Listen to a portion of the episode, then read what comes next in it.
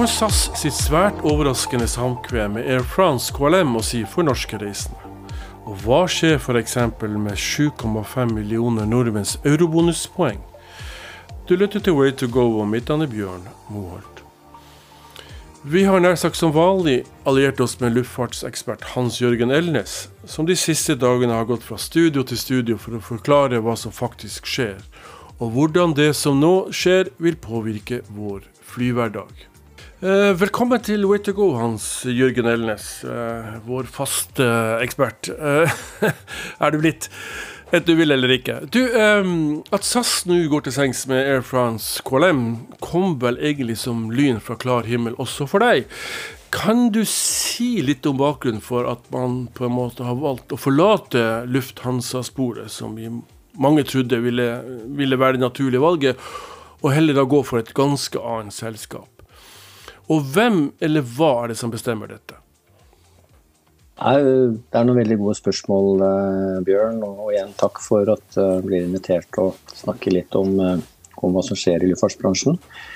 Det, dette med Air France og KLM, det, det kom veldig overraskende på meg òg. Det er klart, I en situasjon som SAS var nå, så var det mange rykter og spekulasjoner omkring det ene og det andre. Men det var det var ikke noe med noe, med noe skikkelig hold i som, som uh, var kommet til overflaten omkring uh, Air France og, uh, og, og KLM.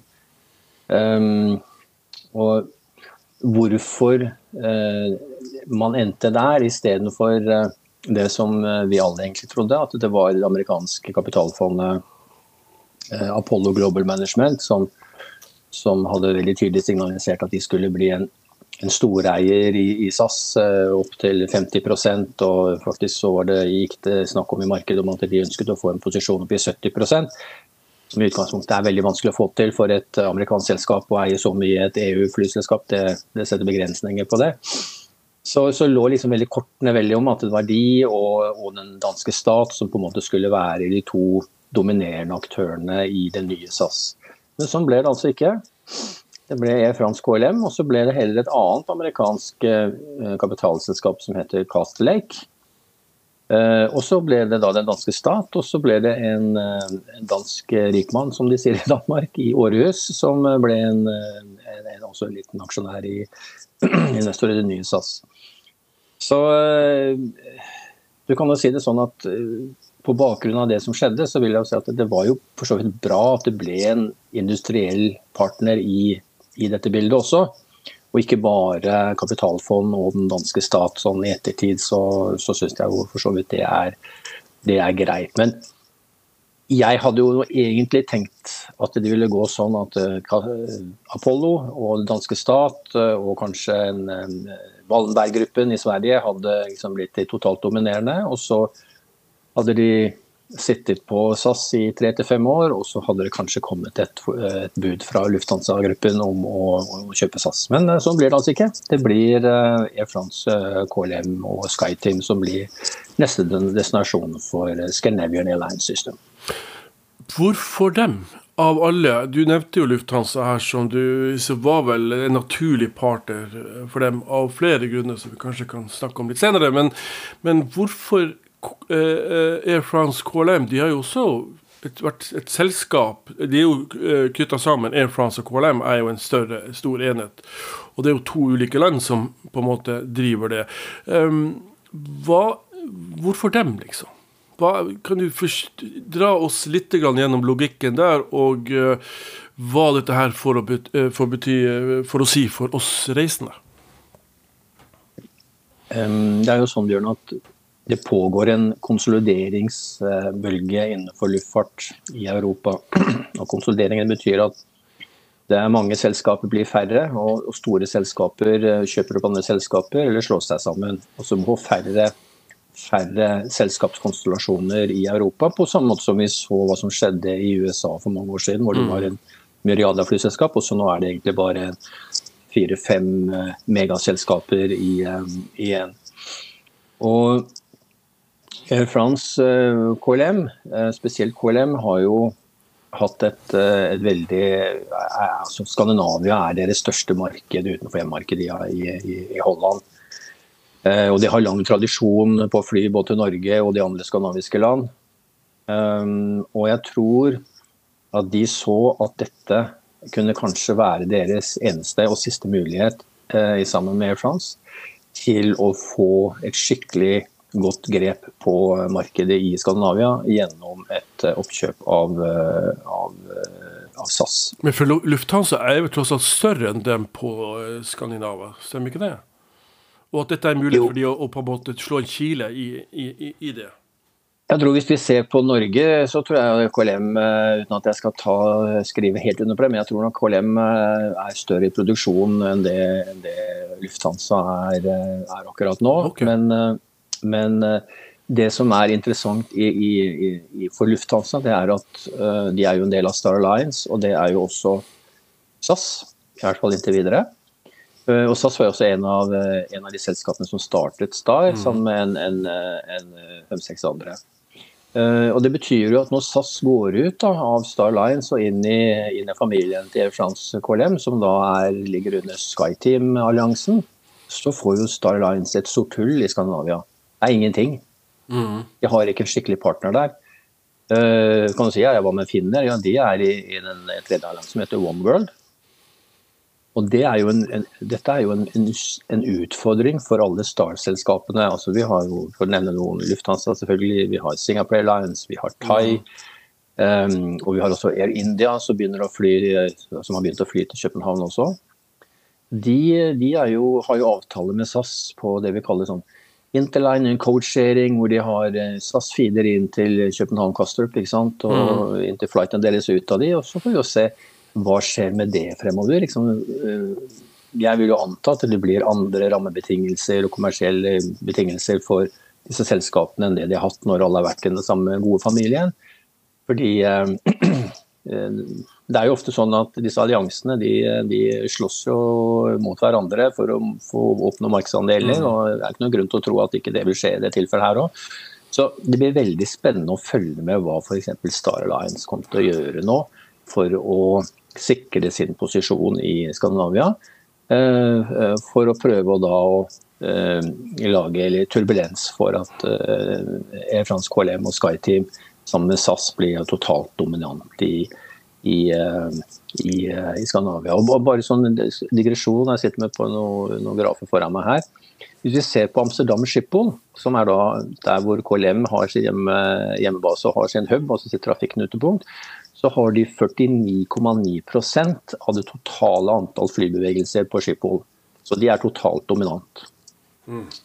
På Air France, nei, på, i, i Paris Charles de Gaulle, hvor Air France har sin, eh, sin knutepunkt, sin hub, så har de også 50,5% av det totale antall eh, flybevegelser på Paris Charles de Gaulle. Så de er totalt dominante. SAS har de, f.eks. på Kastrup, så ligger de på rundt en 30 30-33 mm. uh, og så det, det er, også, Disse selskapene er veldig godt skodd der hvor de hører hjemme. Eh, og Da tror jeg det passa veldig bra at de også tok et selskap som SAS, da, hvor, eh, som har, er brukbart posisjonert uh, på, på Kastrup med over 30% og jeg tror det kommer til å øke på. Jeg tror det kommer til å flytte kapasitet opp til Kastrup fra Amsterdam. Mm. Mm. som gjør at det blir enda flere ruter ut av, ut av ut av Skandinavia. Så, det er veldig spennende, men de andre alliansene Bjørn, de må altså agere på dette. For Skandinavia er veldig viktig for mange flyselskap. Du, du foregrep litt, for vi skal snakke litt mer om disse lojalitetsprogrammene. For de er viktige her, har jeg skjønt. Det er en, på en måte en joker i dette spillet her. og Meningen med det, disse programmene er vel å knytte kundene tettere til seg. Det ligger vel i ordet lojalitet. Og det startet, hvis jeg ikke tar helt feil, med Texas International Airlines i 1979, som hadde det første lojalitetsprogrammet som var knytta opp mot selve flyvningen. Kan du si litt om disse lojalitetsprogrammene, hvor viktig de har blitt, og hva de betyr for de reisende? Det er veldig viktig. Ehm, det er, det er nesten det skarpeste markedsvåpenet som flyselskapene har. Det er lojalitetsprogrammet. For de som er medlem i i uh, SAS Eurobonus, uh, Lufthansa Miles and More, KLM, um, Flying Dutchman og en rekke andre. Det er jo selskapet sine aller beste og mest lojale kunder. og eh, Eurobonus, for å holde oss litt hjemme her, de har jo 7,5 millioner medlemmer. Uh, og i Norge så er andelen medlemmer som er norske, er, er, veldig høy. Så i Norge så er man, vi er noe gale etter bonusprogrammer og, og sånt. Så det, det tror jeg også var en del av hele business-caset for Air France KLM. Det er å få kloa i eh, eurobonusmedlemmene. Mm. Og så kan vi, jo, kan vi, jo, si det sånn at eh, vil de andre selskapene sitte og se på det skje? Neppe. Fordi at disse, disse, disse lojale kundene de er så viktige. Så jeg tror at vi kommer til å se en sånn uh, kamp nå om uh, når det er litt vakuum i den perioden fremover før alt på en måte er på plass med, med SAS har flytta allianse og inn i ny familie og alt dette her, så kommer andre selskaper til å komme med masse spennende tilbud til SAS Eurobonus-medlemmene. Fra Norwegian, uh, Star Line-selskaper og med Lufthansa i spissen her og, og One World. De kommer til å komme med 'offer you can't refuse', nesten. På, um, du, og det har vi sett tidligere. Så, så, så, dette blir veldig spennende å følge med på. Men, men det er bare jeg får understreke det du spurte meg om. At uh, dette med lojalitetsprogrammer, det er veldig viktig. Spesielt for, uh, for nettverksflyselskapene. Som, som, SAS, KLM, Lufthansa, France, British Airways, United, Delta, i Singapore, bare for å ta noen som alle har hørt om. Mm. Så, så, har alle har dette her. Og de, de, de selskapene som på en måte er mer, jo mer globale, jo kanskje bedre. Men, men vi ser jo Norwegian sitt reward-program også er i full vekst. Og de, de, eh, jobber jo også hardt inn for å slå seg bedre inn i, i små og mellomstore bedrifter og, og, og næringslivsmarkedet generelt. Og jeg er ganske sikker på at uh, kloke hoder på Norwegian på Fornebu de sitter og lurer på hvordan, hvilken smart plan de skal legge for å prøve å lokke SAS Eurobonus-medlemmer over til seg nå når, når det, det, som skjer med SAS. Ja, jeg er helt sikker på det.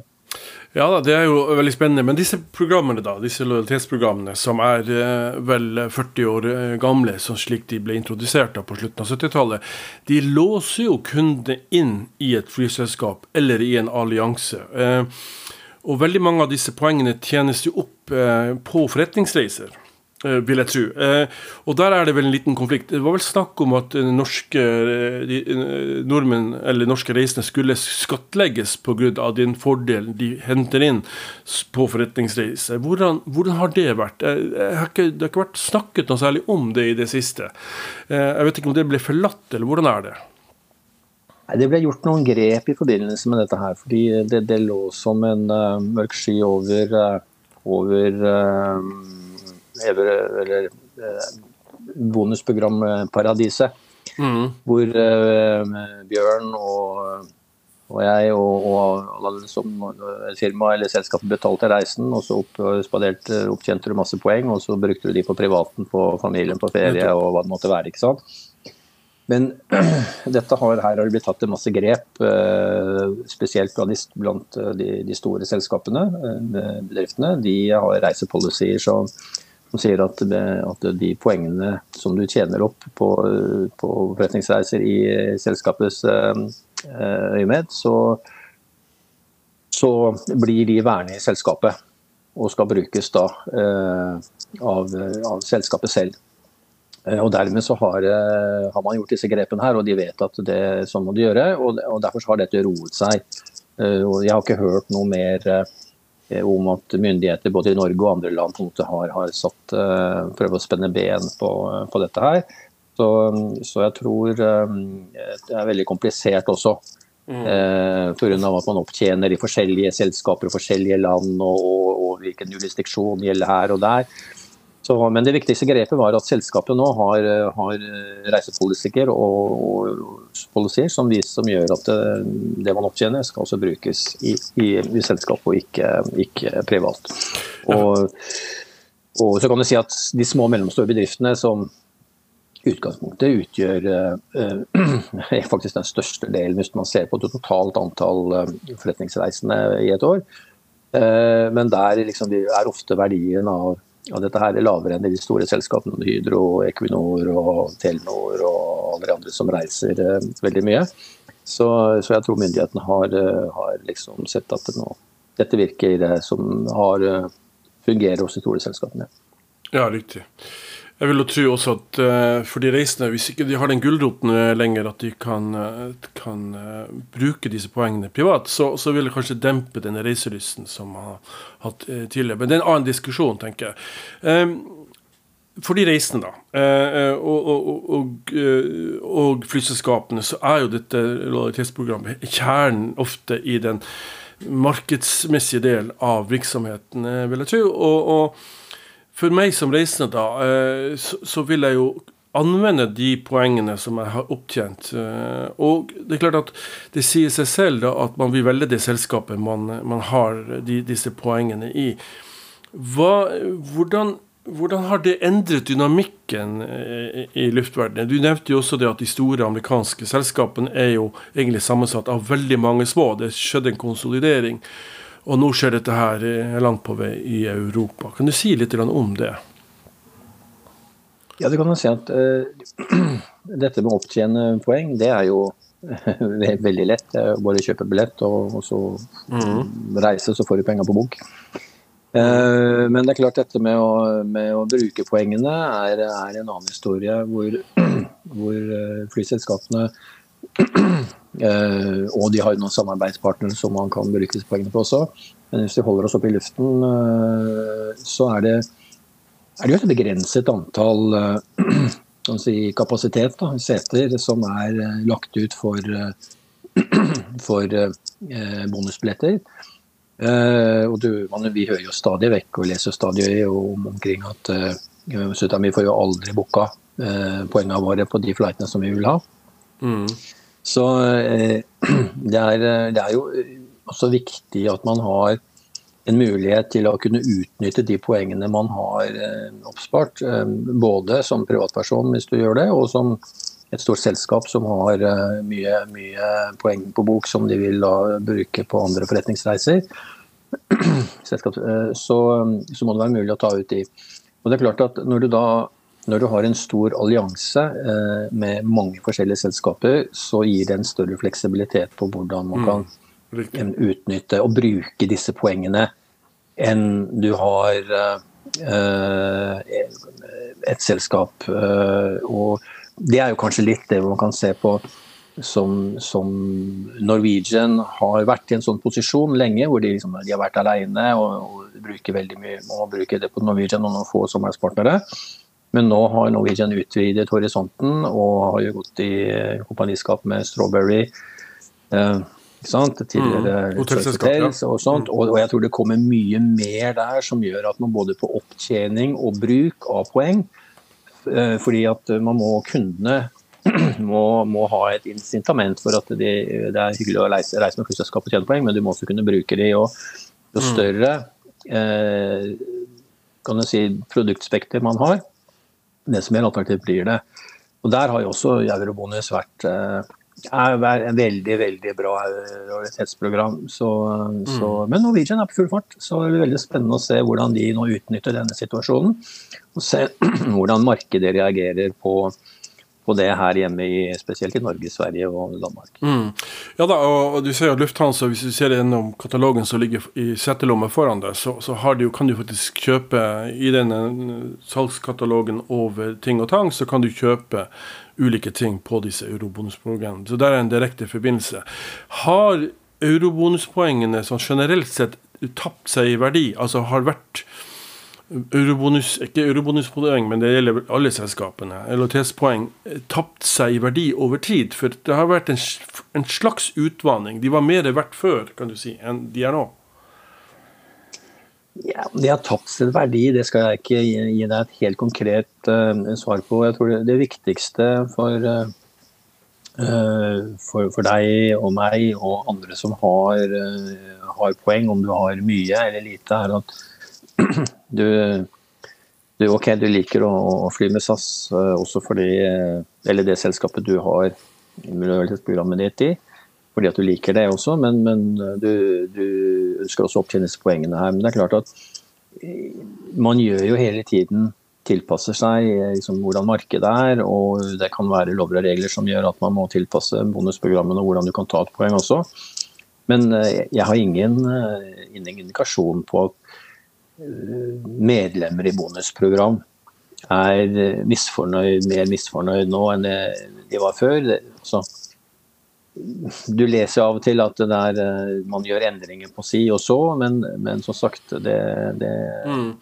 det jeg, jeg, tror det store så er det greit. Men, men det, har også litt sammenheng med at opptjening er diversifisert. Du kan tjene opp disse poengene ikke bare på flyreiser, men på andre områder som også gjør, gjør at du totalt sett kommer, kommer ut omtrent som før. La oss si at ja, du sjekker også... på Strawberry, Strawberry Hotel, eh, ikke sant? Så, så, får du poeng eh, hvis du gjør det, som du da kan bruke på flyreiser og vice versa. Ja, og det betyr da, sånn eh, helt ned på jorda igjen, så betyr det sånn, sånn, sånn som jeg ser det, er at jo større kan du si, univers av partnere både for opptjening og å ta ut poeng, jo bedre er det for lojalitetsprogram. Fordi, ehm, og, da vil man også se at eh, man tviker litt på, på, hvordan det er å ta ut alt eh, på flyselskapet eller flyselskapene. er at Man skal prøve å fordele poengene også ut i, i andre partnere. ikke? Man kan ta det på hotellnetter på, på Strawberry Hotel eller, eh, eller hotellnetter som, som andre flyselskap Bonusprong har, har med seg. ikke sant? Og så er jo det at man opptjener poeng der, så skal man ta det ut et annet sted. så man liksom man må, må, kanskje følge litt med på hvilken verdi de forskjellige poengene hvor man opptjener de har, men, men i det store og hele så tror jeg at um, selskapene prøver å Vi må gjøre dette så transparent som mulig. Men liksom, jeg, jeg, tror jeg konkluderer med det, Bjørn, at jo mer uh, type partnere som, som, er attraktive og som er relatert til dette med å ha noe med reise å gjøre, og, og konsum, forbrukerkonsum i det hele, det er, eh, det er en bra, bra, meny for å tiltrekke seg eh, kunder som blir mer lojale mot et selskap eller selskap. Lojalitetspoeng en slags, er jo en slags ferskvare. altså de, de, går jo faktisk ut på, på tid. Eh, det er en begrensa periode hvor du kan bruke dem alt ettersom du tjener dem inn. Eh, og nå kommer liksom litt punchline her i forbindelse med den diskusjonen. Du nevnte at Eurobonus har 7,5 millioner medlemmer. og Det er ganske mange. Det er nesten halvparten av Nordens befolkning eh, som sitter da på med med eurobonuskort. Hva skjer nå med de, med de poengene når, vi går over til et nytt, en ny allianse? For Det er vel mange som lurer på. Det er blitt snakket om det de siste tiden, men jeg har ikke sett noen sånn veldig konkrete svar. SAS har gått ut og sagt at du skal bare fortsette å, å, å, bruke disse poengene. Men det må jo være en tidsfrist her, eh, et stykke frem i tid. Jeg fikk forståelsen for det at det var veldig mange som fikk, ble tungpusta og, og, og, fikk høyt blodtrykk når dette her eh, dukket opp. Og hva skjer nå med de millionpoengene jeg har? Men jeg tror at uh, jeg nesten vil berolige uh, de som hører på, at her, her har både Air France, KLM og SAS uh, de har en plan, helt sikkert. En konverteringsplan, kanskje? Ja, altså det, Vi har jo vært innom det tidligere i, i sendingen, Bjørn, at lojalitetsprogrammene er, er, det, er det viktigste markedsverktøyet mm. for nesten ethvert flyselskap som har et sånt program av en viss størrelse. Og SAS er for, for oss er det det, det er det er så bread and butter. Eh, og det vet jeg fransk KLM veldig godt. Så jeg tror de kommer til å, de kommer til å, å sørge for at eh, denne overgangen fra, fra si, inntjening i Star-systemet til en inntjening i SkyTeam, eh, Frans KLM-familien, vil gå så smertefritt som mulig, og at man beholder den statusen man har. Man har de poengene man har, man kan bruke de på samme måte som, eh, som man har gjort uh, tidligere. Så kan du si at det kan være at man må tilpasse noe som passer da, inn i hvordan statusene er lagt opp i, i Air France KLM SkyTeam-systemet. Men jeg tror ikke det betyr at man på en måte blir sånn nedgradert eller Eh, downgraded, som vi sier på flyspråket, fra businessklasse til økonomiklasse. Eh, type eh, status. Fordi det, da, da, vil man altså gi fra seg, sannsynligvis, som vi snakket om tidligere også, de andre gribbene kommer til å sirkle over eh, eurobonusreiret til de grader og plukke det de kan av eh, de som er i tvil. Mm. Eh, så, og det vet, eh, det vet, disse tre selskapene veldig godt, så, så jeg, jeg, er ikke så veldig bekymra for det. det. det som man kanskje kan se på det større bildet, det er liksom forskjellen mellom Star Line-selskapene og SkyTeam-selskapene. Og det er, ikke, det er, jo ikke, uten grunn at Star Lines er verdens største flyallianse. Eh, nå er SkyTeam nummer to. Men, eh, men eh, Star ligger altså hakket foran og en betydelig større andel med de, her, de store, kjente selskapene som, som vi her hjemme i Skandinavia har, har kjenner veldig godt til. Eh, SkyTeam er, er, noe mer differensiert og ikke har like mange store kanoner. Så, så det, det, blir spennende å se hvordan markedet tolker det og forholder seg til det. Mm. Eh, og hvordan da SAS og SkyTeam, KLM Air France, smører, for å bruke det uttrykket, mm. bonuskundene til at de eh, blir med over eh, i migrasjonen inn i den nye familien. Hvordan, hvordan passer jeg, jeg, Vi skal ikke tvære for mye, men jeg syns det er spennende dette her. Hvordan passer eh, SkyTeam inn i det norske reisemønsteret?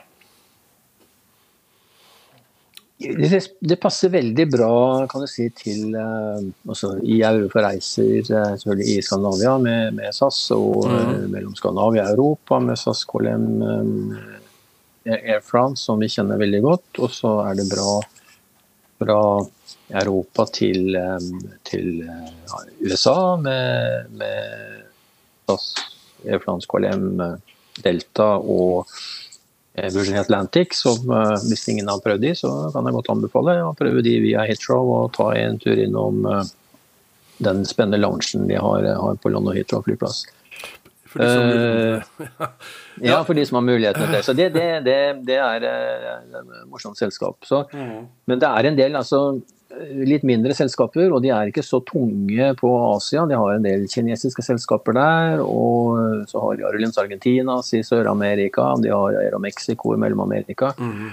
Så det dekker bra, men det, det, det, er litt short på Asia.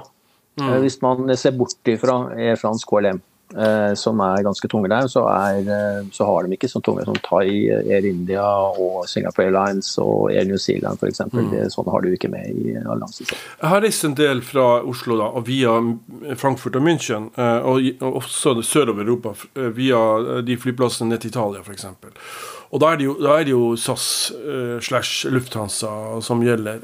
Hvordan blir den komboen?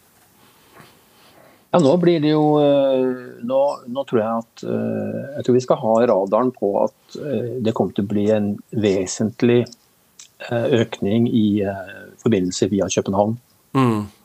Okay. Og så kan jeg bare ta kort om det, Bjørn. og det er Litt av grunnen til det er at i Amsterdam og i Nederland så har myndighetene begynt å sette press på, på flyselskapene når det gjelder utslipp av CO2 og støy rundt Schiphol flyplass. Ja, De skal begrense trafikken, og det er vel et viktig poeng som jeg egentlig hadde glemt i farta.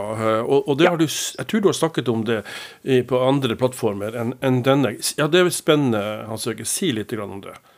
Så, så, så det, det, betyr da at, eh, at, eh, det blir lagt begrensninger på hvor mye hvor, hvor produksjonen til, eh, til KLM og, og Vi snakket tidligere i programmet at KLM har ca. 50% av totalproduksjonen på Schiphol. Det er klart at når man setter en, en cap, som vi sier, da, et tak på, mm. på, på det, og det taket senkes, så er det KLM som blir det selskapet som må lide mest. Og hva gjør de da? Jo, da flytter de, må de flytte kapasiteten sin kanskje et annet sted, og da er jo København Kastrup glimrende i så henseende. Var det en slags gulrot her, altså?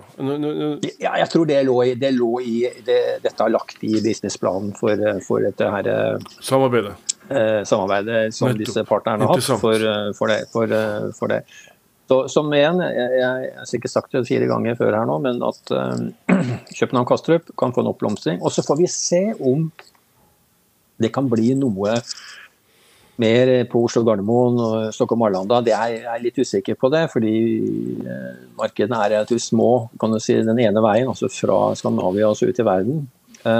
Så Derfor så er det ofte slik at ser man at det lønner seg å konsolidere trafikken ned mot, mot Kastrup. og Nordmenn vi er, jo, vi er jo vant til å ha one stop i en eller annen form, selv om vi flyr med Qatar Airways eller Emirates til et eller annet sted i Fjernøsten eller nede i Australia, så må vi ha et stopp via Midtøsten. og det Eh, stoppet kan man nå ta, altså ta, etter hvert ta mer og mer i, København, tror jeg. Mm, mm. Interessant. Du, eh, Vi skal forlate det litt. Vi nærmer oss litt til slutten her. Men, eh, men, jeg tenker at vi skal se litt på det større bildet. Eh, vi nærmer oss, eh, vi går inn i vinter nå. og eh, jeg var og, og sjekka prisene jeg skal av gårde igjen til Italia, og da ser jeg at prisene nå stiger. Jeg har ikke funnet én billett under 1000 kroner. Kan du si litt om det generelle prisbildet utover høsten og vinteren eh, fremover? Altså, eh, nå er vi nå, nå, Verden har jo kommet i en ny situasjon nå med det som skjer nede i Israel. Og vi har fremdeles eh, en, en, pågående krig i eh, Ukraina. Eh, vi, vi, vi, kommer inn i eh, vintersesongen nå. hva skjer med energiprisene? blir det noen flere rentehevninger. Eh, så vidt jeg har fått med meg, så er etterspørselen eh, i Europa er fremdeles bra. Eh, jeg ser også at flyselskapene begynner å dra ned litt på kapasiteten nå, totalt, daglig kapasiteten, nå som vi, vi, vi nærmer oss overgangen fra sommerprogrammet til vinterprogrammet, som er da månedsskiftet oktober-november. Uh, og Indikasjonene fra de store aktørene, Ryanair, EasyJet, uh, Wizz Air, uh, Lufthansa, KLM France osv., er at salget fremover er, er brukbart. og det er litt vanskelig å spå her nå, men, men som sagt Det vi ofte ser, er at hvis etterspørselen svikter av forskjellige årsaker, så stimulerer gjennom at prisene blir mer attraktive. Og Da er det lavprisselskapene med Ryanair i spissen som er, er kongene på det. Mm. Fordi at de har en lavere eh, Eh, kostnadsbase som gjør at de kan eh, tilby billetter til lavere priser uansett enn hva, hva de andre flyselskapene eller nettverksselskapene kan gjøre. Og Det er jo så vidt Norwegian kan gjøre det samme her i, i Norge. Ja, riktig. fordi at eh, Flyselskapene investerer jo, det er jo en betydelig investering i hvert eneste fly. Vi snakker om milliarder per, per fly. og og i motsetning da kan du si til cruiseselskapene som bare kan flytte flåten eh, til steder hvor det er, eh, fortsatt er grunnlag for trafikk, så kan ikke flyselskapene gjøre det. Men de skal jo da likevel tjene holde flåten i gang også for å betjene lånet på disse flyene. Og da er det vel den eneste muligheten de har, så vidt jeg kan skjønne det, er å stimulere til mer reising da, og gå ut med, med gunstige priser. Det, forstår jeg det riktig, da? Jeg skal prøve å ta det liksom på, veldig på, topp, topp, topp, topplinjenivå her. Um, du kan si at eh, den, den, den normalt uh, høyeste kostnaden uh, for, for, for, flyselskap, nesten uansett hvilken type flyselskap, det er, det er drivstoff. Uh, og så er det kostnader til, til ansatte, til personalet. Det er nummer én og to. Det er Noen ganger noen selskaper er personal høyere enn drivstoff, men akkurat nå i den siste tiden siden pandemien så har, har drivstoff vært, vært, det høyeste. og Det ligger mellom 30 og 40% av de totale driftskostnadene er på drivstoff. Så du kan se at uh, hva gjør selskapene? Kan selskapene gjøre noe da, med disse uforutsigbare drivstoffprisene? Jo, man kan sikre seg på samme måte som her hjemme, så kan man sikre seg mot endringer opp, oppover i hvert fall, for, for renter på lån med fastrenteavtaler. Og man kan gjøre det samme på strømavtalen, man har fast pris. flyselskapene har, kan gjøre det samme eh, for drivstoff. Det kaller vi for å hedge, sikre seg. Mm. Hvor man da inngår avtaler med Bjørnco f.eks., som leverer eh, drivstoff til et flyselskap. Og så man, bestemmer man at man skal ha så og så mye, store, så, så mye drivstoff trenger man fremover, og, og knytter seg til en fastpris på det. Og så har man sikret prisen da i en, til x antall eh, euro eller dollar per, eh, per, fat eller per tonn. Det er gjerne det det går på. Og så er det det andre er jo valuta. Dollaren er vært sterk, norske krona svak. Det betyr at for SAS og Norwegian og videre så så er det tøft, for da får du du må betale drivstoffet i, i, i dollar, og norske er svak. Og for selskaper da, som har lav inntekt i utenlandsk valuta, valuta f.eks. Eh, Widerøe, som har mesteparten av inntektene i norske kroner, de får da eh, en enda høyere kostnad for å kjøpe drivstoff og det andre ting som de betaler i dollar. Så det er veldig, veldig komplisert dette her, men, men um, man kan sikre seg på det mot svingninger. Og så er det da personalavtaler. Det er det nye kollektivavtaler f.eks. som gjort, selskapene borti USA har gjort. Da er det blitt Piloter nå kan ha en lønn opp til en eh, million dollar, i, ja, mm. fra 600 000 til en million dollar i året, eh, de som har lengst ansiennitet. Så det, det, slår også inn etter hvert på, på kostnadene. Så totalt sett så er det så, så må vi se selskapene sånn at de, de, gjør hva de kan for å holde kostnadene nede. Men de må selvfølgelig ha billettpriser som gjør at eh, de tjener mer penger enn det de har i utgifter. Mm. Det er liksom eh, basisen. Så summa summarum så sier du at prisene vil gå opp. Altså, de vil ikke, de vil ikke se en sånn sjokksalg av over en lav sko. Det vil i så fall være veldig, veldig uh, rettet. da. Altså, det, det, som vi også har lært fra pandemien, er at uh, da ble jo veldig mange fly satt på bakken. Mm. Uh, og samtidig så ble jo mange ble ansatte ble sagt opp og, og, alt dette her. Men vi vet det at det, det, er ingen god idé, og det er ikke Det koster uh, for flyselskapene å ta ut fly og ta ut mannskaper, sette dem på bakken, og så skal de stå der en god stund, og så skal de opp igjen. Det beste for selskapene er å holde mesteparten av flåten i drift i en, en eller annen form. Mm. Uh, vi har f.eks. et selskap som heter Norse Atlantic Airways, som sikkert mange kjenner til. Ny, nytt uh, lavpris langdistanseflyselskap som startet å fly her for et et år siden. Uh, de, de, flyr jo mellom Europa, Nord-Atlant og, og, USA. og Der har det jo vært veldig bra på sommerhalvåret, men på vinteren så er det tøft. Mm.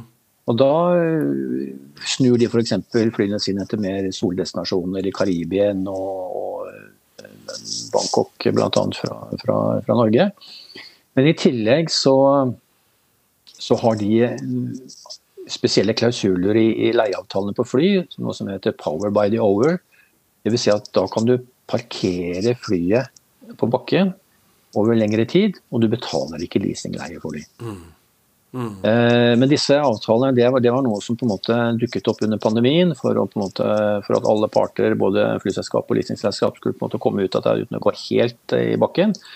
Eh, det er det mer og mer sjelden at man gjør nå, men Norse har noen sånne avtaler enda, som gjør at i vinter så vil de nok parkere noen av flyene sine og holde kostnadene nede. Men på den annen side så har de mannskapene. De må nok også de, de må holdes i gang, eller så finner de seg noe annet å gjøre. Så da har du, så Man blir ikke kvitt kostnadene selv om flyet settes på bakken. Så det aller beste det er for flyselskapene å holde driftsmidlene sine i drift hele tida. Si at flyene flyr så mye de kan. Ja, riktig.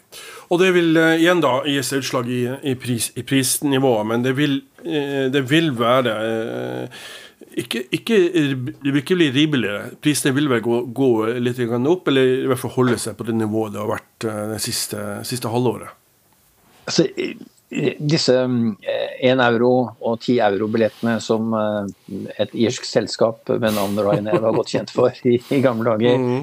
de tror jeg vi, eh, vi, vi, ikke kommer til å se igjen. Men det er helt klart at for at flyselskapet skal få folk til å komme opp av sofaen og booke en billett, så må man bruke noen mekanismer, og da bruker man ofte pris på det for å dra i gang etterspørselen. Så så det er klart at du vil se eh, i enkelte tider av året, og når, når konkurransen er kanskje knallhard eller etterspørselen for lav, så vil det komme eh, gunstige tilbud. Men, men eh, ett euro-billettene, mm. de tror jeg neppe at vi kommer til å se igjen.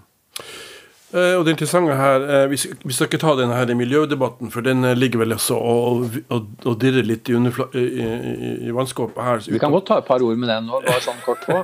okay. sånn, ja, okay det, det, som skjer, er veldig kort. da. Sånn i, i 2025 så mm. er det, er det, eh, skjer det noe vesentlig innenfor EU og EØS-landet.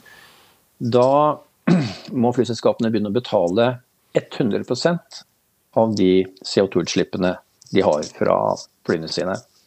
per i dag så er det en lang historie som, som gjør at de flyselskapene som har operert i, i lang, lang, lang tid, de opparbeider seg insentivordninger som gjør at de bare betaler en brøkdel av det de slipper ut. Mens f.eks. når fly starta opp, eh, så måtte de betale 100% når de fløy i Europa. De hadde ikke tatt med seg noen sånne gamle, gode avtaler. Eh, men fra 2025 så blir det same same for eh, alle.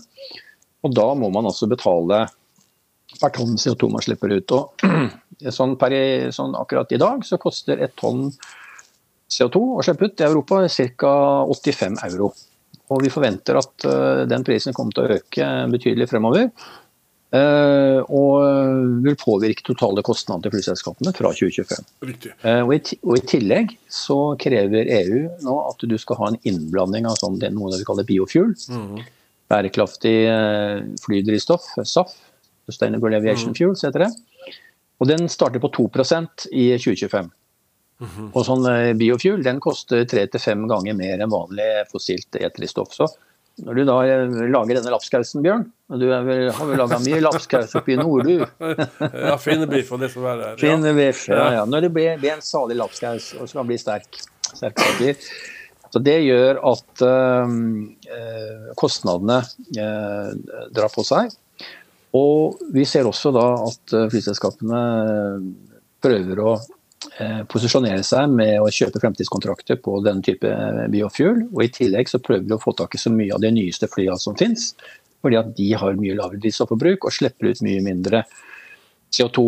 Mm. Uh, ikke sant? Så, mm, så, så, så, den tiden med superbillige flybilletter Nei, ja, så det, det, går liksom inn i denne lapskausen, da. Eh, at det ja. kommer inn, og at det vil påvirke prisene. Samtidig som vi fremdeles eh, reiser. Vi, vi, vi, elsker eh, Vi vil ha den luksusen som det tross alt er å, å reise, og vi fortsetter med det. Men det går vel en smertegrense et eller annet sted. Men det er en tema for en annen debatt, tenker jeg, Hans Jørgen, når, når vi begynner å se, se det. helt til slutt, hvor går din neste reise? Ja, det kan uh, bli til en by som heter uh, Amsterdam. Uh, I en stor luftfartskonferanse som skal skje der nede. Hvor Ialta samles, og det som heter Wings of Europe. Okay. Hvor man da, alle flyselskapene rundt fra hele verden møtes og diskuterer det vi akkurat har snakket om.